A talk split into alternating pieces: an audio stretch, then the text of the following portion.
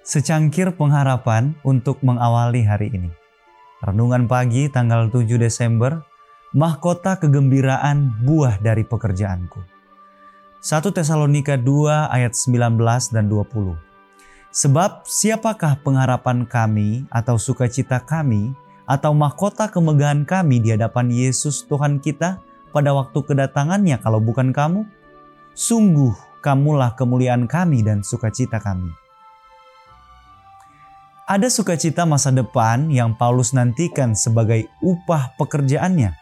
Sukacita yang sama yang olehnya Kristus menanggung salib dan tidak mengindahkan rasa malu. Sukacita melihat buah-buah pekerjaannya. Sebab siapakah pengharapan kami atau sukacita kami atau mahkota kemegahan kami? Tulisnya kepada orang-orang Tesalonika yang bertobat di hadapan Yesus Tuhan kita pada waktu kedatangannya kalau bukan kamu Sungguh kamulah kemuliaan kami dan sukacita kami. 1 Tesalonika 2 ayat 19 dan 20.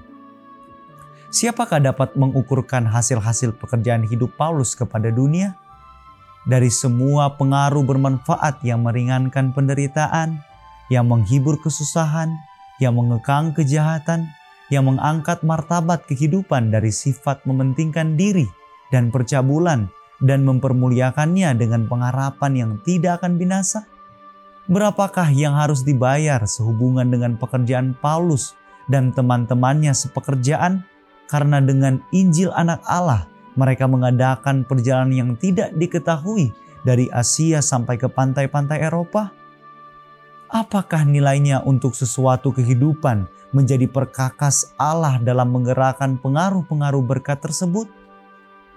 Berapakah nilainya di zaman yang kekal menyaksikan hasil-hasil pekerjaan seumur hidup seperti itu?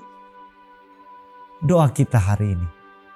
Ya Tuhan, berikanlah kami sukacita yang sejati dalam melakukan pekerjaan kami untuk melayanimu. Amin.